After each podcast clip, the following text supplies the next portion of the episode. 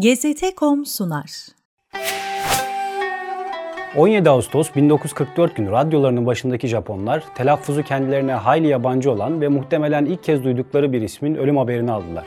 Sayıları birkaç bini bulmayan Japonya Müslümanları ise aynı vakitlerde büyük bir üzüntü içindeydiler. Devlet Radyosu NHK ülkenin önemli şahsiyetleri için kullandığı uygulamayı o gün ilk kez bir Müslüman için devreye sokmuş ve Abdüreşit İbrahim Efendi'nin vefatını tüm ülkeye duyurmuştu. Kimdi kürsüdeki bir bilmediğim pir ama hiç de bilgane değil kalbe o cazip sima. Mehmet Akif Ersoy'un pek bilinen Süleymaniye kürsüsünde şiirinin bu dizeleriyle takdim ettiği, içinden geçtiği devrin her anlamda özeti niteliğindeki hayatıyla örnek bir fikir ve aksiyon insanı olan Abdüreşit İbrahim Efendi'den başkası değil. Bu mümtaz şahsiyet Rusya Müslümanlarının hakkını aramakla başladığı yolu eski dünyanın bir ucundan diğerine kadar uzatacak, durup dinlenmeksizin tebliğe koşturacak ve bir milletin İslamiyetle tanışmasında büyük rol oynayacaktı.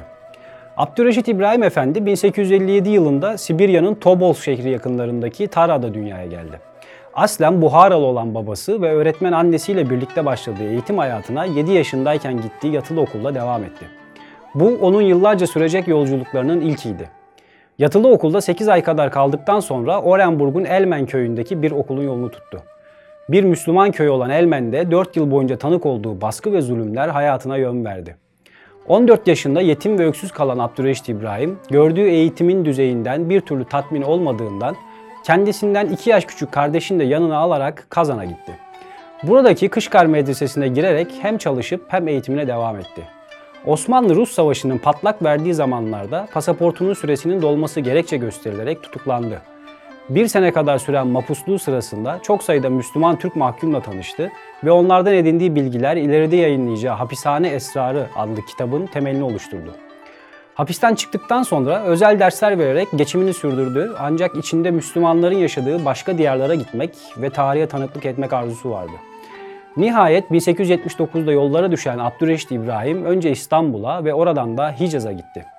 Hac vazifesini yerine getirdikten sonra Medine'ye yerleşerek eğitimine devam etti.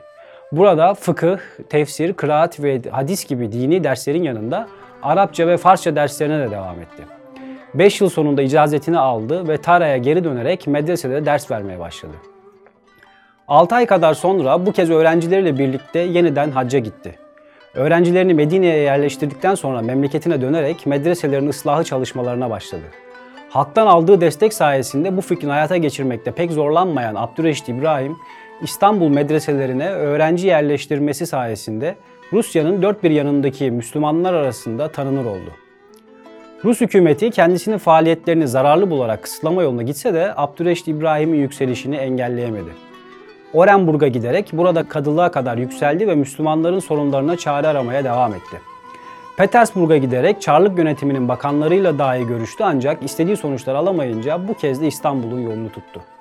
İstanbul'da yaşadığı sürede kaleme aldığı kitapları gizlice Rusya'ya sokarak Müslümanlar üzerinde etkili oldu ve Sibirya'dan Anadolu'ya göçü tetikledi. 1897'de ilk uzun seyahatine çıkan Abdüreşit İbrahim Efendi 3 yıl boyunca Mısır'dan Fransa'ya, Bulgaristan'dan Doğu Türkistan'a kadar birçok bölgeyi ziyaret ederek tanık olduğu olayları kayda geçirdi. 1900'lü yılların başında Rusya içlerinde Moğolistan'a kadar ilerledi ve Mançurya üzerinden Japonya'ya geçti. Orada da boş durmayan Abdüreşit İbrahim yaşantılarını Müslümanlara yakın gördüğü Japon halkına İslam'ı anlatmak için çeşitli faaliyetlerde bulundu. Kısa süre sonra Rus hükümetinin baskıları sebebiyle Japonya'dan ayrılmak durumunda kaldı ve memleketi Tara'ya döndü. İki yıl kadar sonra St. Petersburg'a giderek yayınlamaya başladığı Mirat dergisinde Rusya Müslümanlarının sıkıntılarını geniş kitlelere anlatmaya çalıştı. 22 sayı yayınlandıktan sonra İstanbul'a geldi ve çalışmalarını burada sürdürdüğü sırada Rus elçiliğinin baskıları neticesinde Rusya'ya iade edilerek Odessa'ya gönderildi. Kısa süre sonra serbest kalan Abdüreşit İbrahim Efendi Petersburg'a gitti ve hız kesmeden çalışmalarına devam etti. Bu dönemde siyasi faaliyetlere ağırlık vererek Rusya Müslümanlarının ilk siyasi temsilcisi konumuna kadar yükseldi. Artan baskılar sonucunda Petersburg'daki matbaası kapatılınca yeniden yollara düştü ve bir yıllık seyahatin ardından tekrar Tara'ya dönerek ailesini yanına alıp Kazan'a yerleştirdi. Bu kez uzak doğu seyahatine çıkan Abdüreşit İbrahim, Moğolistan, Hindistan, Mançurya, Kore, Japonya, Çin, Hicaz ve Orta Doğu üzerinden tekrar İstanbul'a geldi. Bu seyahatiyle ilgili anılarını Alemi İslam adıyla kitaplaştırdı ve İstanbul'da dağıtılan Sırat-ı Müstakim dergisinde yayınlattı. Gezdiği yerler arasında Japonya'ya ayrı bir önem atfetti. Batılı devletlerin Japonya'da yürüttüğü misyonerlik faaliyetlerine karşı çıkmak maksadıyla Asya Kuvve-i Müdafası Cemiyeti'ni kurdu. İstanbul'a döndüğünde ise dönemin padişahı 2. Abdülhamit'e Japonya'ya Müslüman bir heyet gönderilmesi talebini içeren mektup yazdı. Bu talebi dönemin koşulları sebebiyle karşılıksız kalsa da o mücadelesini sürdürme konusunda herhangi bir tereddüt yaşamadı. İtalyanların Trablusgarp'ı işgaliyle birlikte bu kez de cepheden cepheye koşmaya başladı. Büyük sahrayı aşarak mücadelenin içine kadar girdi ve halkı cihada davet eden fetvalar dağıttı. İstanbul'a döndükten sonra cephede gördüklerini vaaz ve konferanslarla ahaliye anlattı. Rusların Sarıkamış'a girmesiyle de bu kez o bölgenin yolunu tuttu. Aynı dönemlerde İstanbul'da kurulan Rusya Müslüman Türk Kavimlerini Himaye Cemiyeti'nin üyeliğini yaptı ve cemiyeti temsilen Avrupa seyahatleri gerçekleştirdi. Milletler Birliği'nin Lozan'da düzenlediği Rusya Mahkumu Milletler Konferansı'na katılarak Rusya Müslümanları adına taleplerde bulundu ve sonra da Almanya'ya geçerek buradaki Rus savaş esirlerine yönelik bir gazete çıkardı.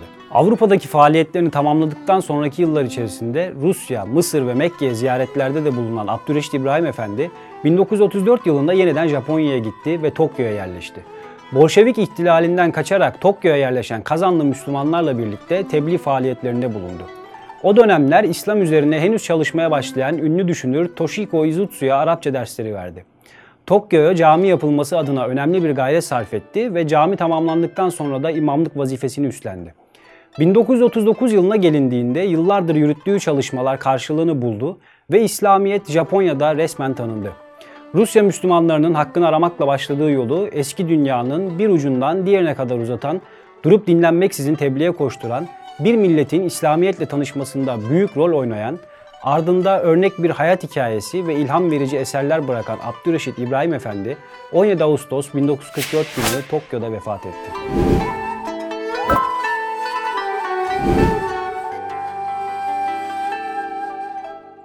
GZT.com sundu.